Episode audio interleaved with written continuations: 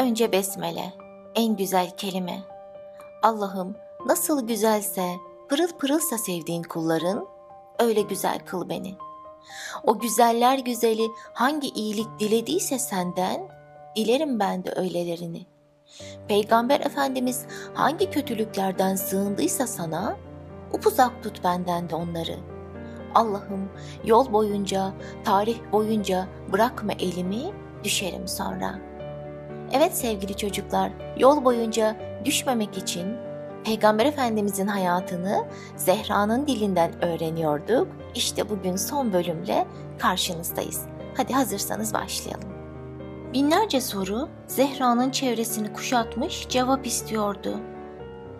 Okula giderken yolun iki yanında duran ağaçlar görüntülerini kaybediyor ve dev soru işaretlerine dönüşüyorlardı. Sınıfta ders dinlerken öğretmenin sesi değişiyor ve beyninde dolanıp duran soruları bu sefer onun dilinden dinliyordu sanki. Sanki dev bir soru kazanın içine düşmüştü Zehra. Bir hayalet gibi dolanıyordu hayatının içinde. Her şey bir hafta önce yeniden hazırladığı ödevini din kültürü öğretmenine gösterdiğinde gerçekleşmişti. Henüz ödevi bitmemişti ama şimdiye dek nasıl gittiğiyle ilgili bir değerlendirme bekledi öğretmeninden.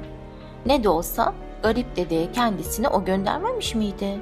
Ödevini çok beğendim Zehra. Sen ileride senarist ol ya da ne bileyim yazar filan ol. Bu ne büyük hayal gücü böyle, dedi öğretmen. Hayal gücü mü?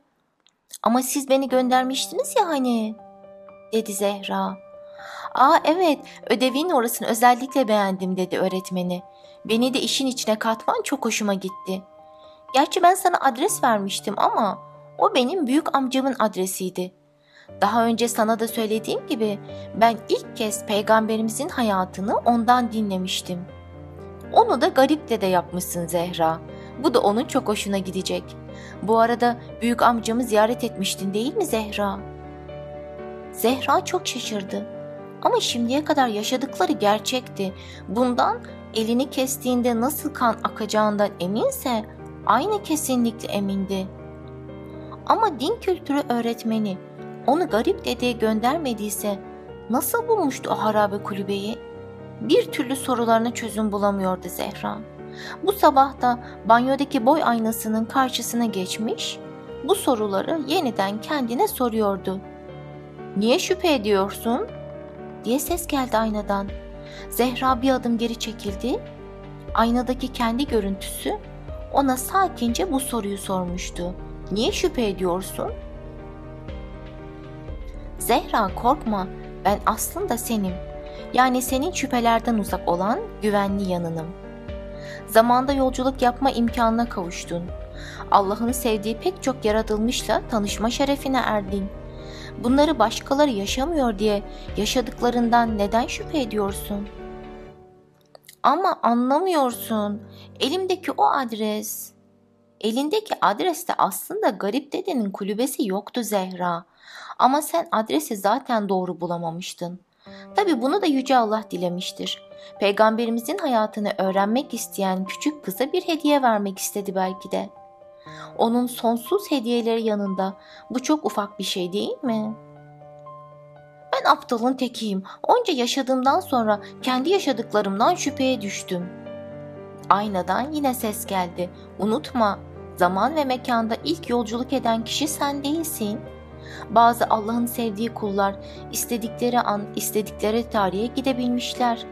Onlar göklerde uçabilmişler ve bazen yeryüzüne yukarıdan bakabilip hayvanlarla da konuşabilmişler.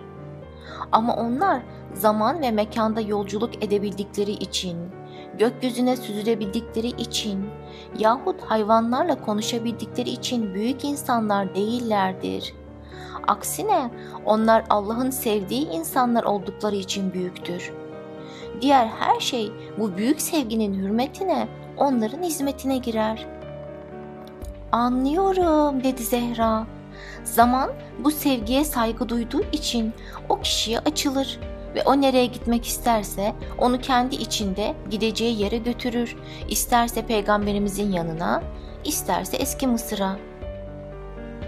Evet, bu kadar özel bir şeyi herkesin anlamasını beklememek lazım değil mi? Haklısın dedi Zehra. Zehra'nın dudakları arasından çıkan haklısın kelimesiyle bir haftadır onun çevresini kuşatan sorular yere düşüp kayboldular. O zaman şüpheyi dize getirmenin şifresini hissetti. Tevekkül. Soruların insanın kanına karışıp onu zehirlememesi için tevekkül etmek gerekiyordu. Neden daha iyi bir işim yok? Niye kimsenin değil de hep benim başıma bunlar geliyor? Nasıl bu kadar şanssız oluyorum?'' diyen büyüklerin önüne altın tepside tevekkülü sunmak istedi Zehra. Ay, oh nasıl rahatladım bilemezsin. Biliyorum, unutma ben aynı zamanda senim. Şimdi peygamberimizin veda hacına gitmek için yanıma gel. Zehra boy aynasının içine doğru bir adım attı ve sonra içeriye girdi.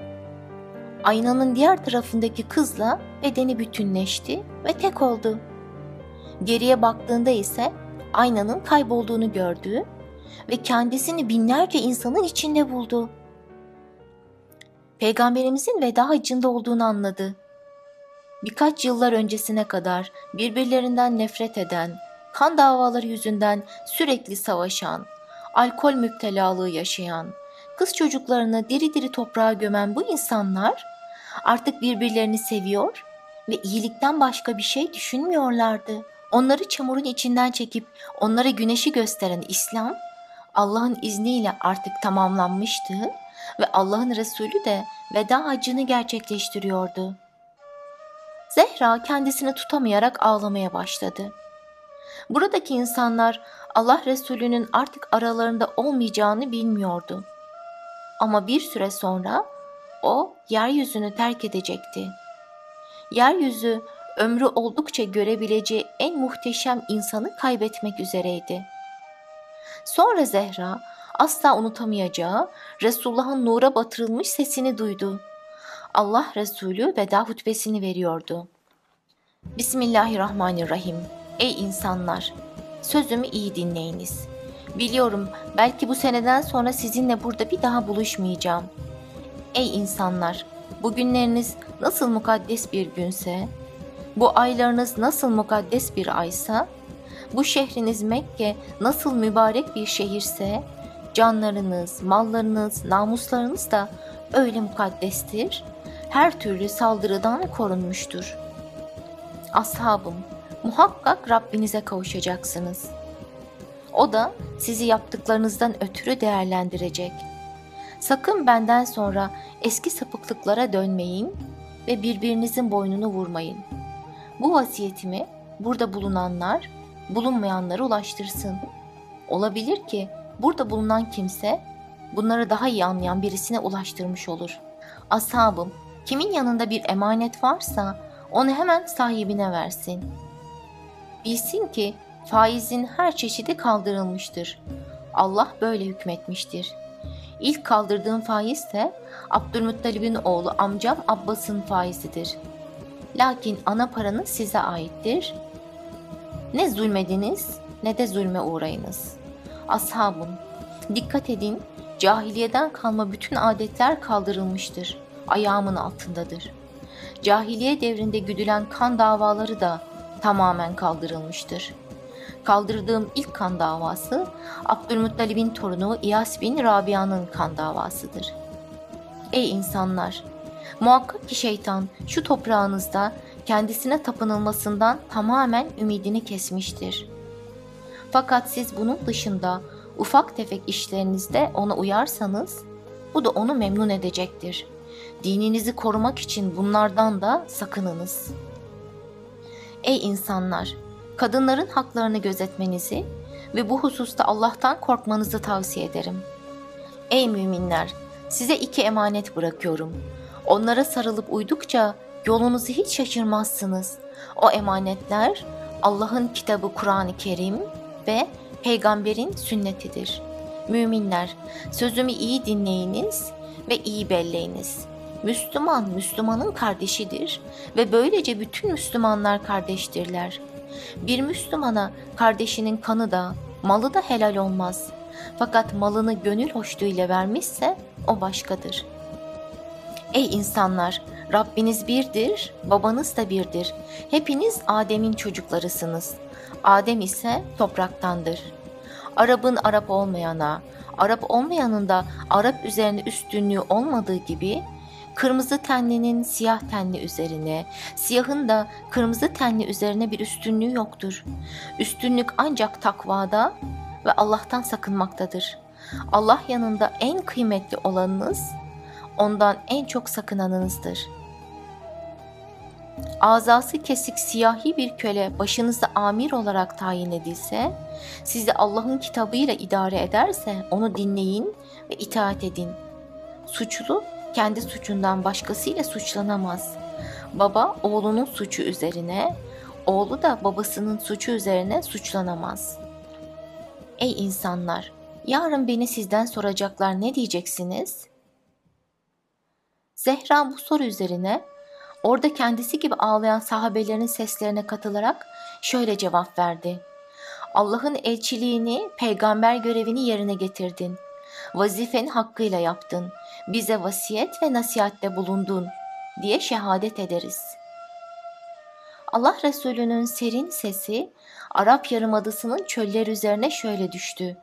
Şahit ol ya Rab, şahit ol ya Rab, şahit ol ya Rab. Zehra, sahabenin de Peygamber Efendimizin verdiği hutbenin bir veda hutbesi olduğunu anladığını gördü. Akan gözyaşları binlerce hikaye fısıldıyordu Zehra'ya. Genç bir erkeğin gözünden akan yaşlara baktı ve o yaşlar şöyle dedi. Ben Resulullah'ı görmeden yaşayabilir miyim? İnsan hayatında böyle bir güzellik görünce hayatına onu daha önce görmemiş gibi nasıl devam edebilir? Sonra Zehra yaşlı bir kadının gözyaşlarını dinledi. Allah'ım Hazreti Muhammed'den daha yaşlıyım ben. Beni onun gerisinde bırakma. Onu aldığında hala ben bu topraklarda olmayayım. Zehra gökyüzüne baktı. Onun yüzünde de acıyı gördü. Gökyüzü, sen de mi ağlayacaksın? Eğer yüce Allah'tan korkmasam, acıdan yeryüzünün üstüne düşerdim. Ayakta kalmak ne zor bugün, dedi gökyüzü. Sonra Zehra çölün sesini duydu. Eğer yüce Allah'tan korkmasaydım öyle bir ağlardım ki kuru kum tanelerimi kimse bulamaz, okyanuslar yanımda küçük su birikintileri gibi kalırdı. Zehra ağaçların sesini duydu. Eğer yüce Allah'tan korkmasaydım acıdan toprağın derinliklerine dalar ve yeryüzüne bir daha hiç çıkmazdım. İnsanlar bundan sonra ne meyve ne de yaprak görürlerdi. Zehra onların hepsine dönüp şöyle dedi. Tevekkül edin. Allah tevekkül edenleri sever. İşte tam o esnada Zehra'nın üzerine çok kuvvetli bir ışık kümesi düştü. Işık o kadar kuvvetliydi ki önce hiçbir şey göremedi. Sonra ışığın içinde tertemiz simalar gördü. Zehra'nın çevresini melekler sarmıştı. Hepsi o kadar güzel kokuyordu ki Zehra'nın başı dönüyordu. Neredeyim ben? Resulullah'ın evinde. O birazdan bu dünyadan göçüp ahirete gidecek. Biz ona eşlik etmek için geldik. Yaklaş, bak yatakta yatıyor. Zehra içinden ama ben onu göremem ki. Baştan beri yolculuklarında onun mübarek yüzü yerine yoğun bir nur görüyorum diye geçiriyor. Bir taraftan da melekleri takip ediyordu. Yaklaşınca yatağın başında yüzleri katıksız bir acıya dönüşen peygamberimizin eşi Hazreti Ayşe'yi ve kızı Hazreti Fatma'yı gördü. Onların yanından geçerek kendi de yatağın bir ucuna yaklaştı. Hz. Muhammed Aleyhisselam'ın mübarek vücudunun kokusu tüm odayı doldurmuş, şimdi ise yeryüzüne veda ediyordu. Zehra bu kokuyu içine çekti ve şöyle dedi. Keşke ben de şu yoğun nur yerine onun güzel yüzünü bir kere görebilseydim.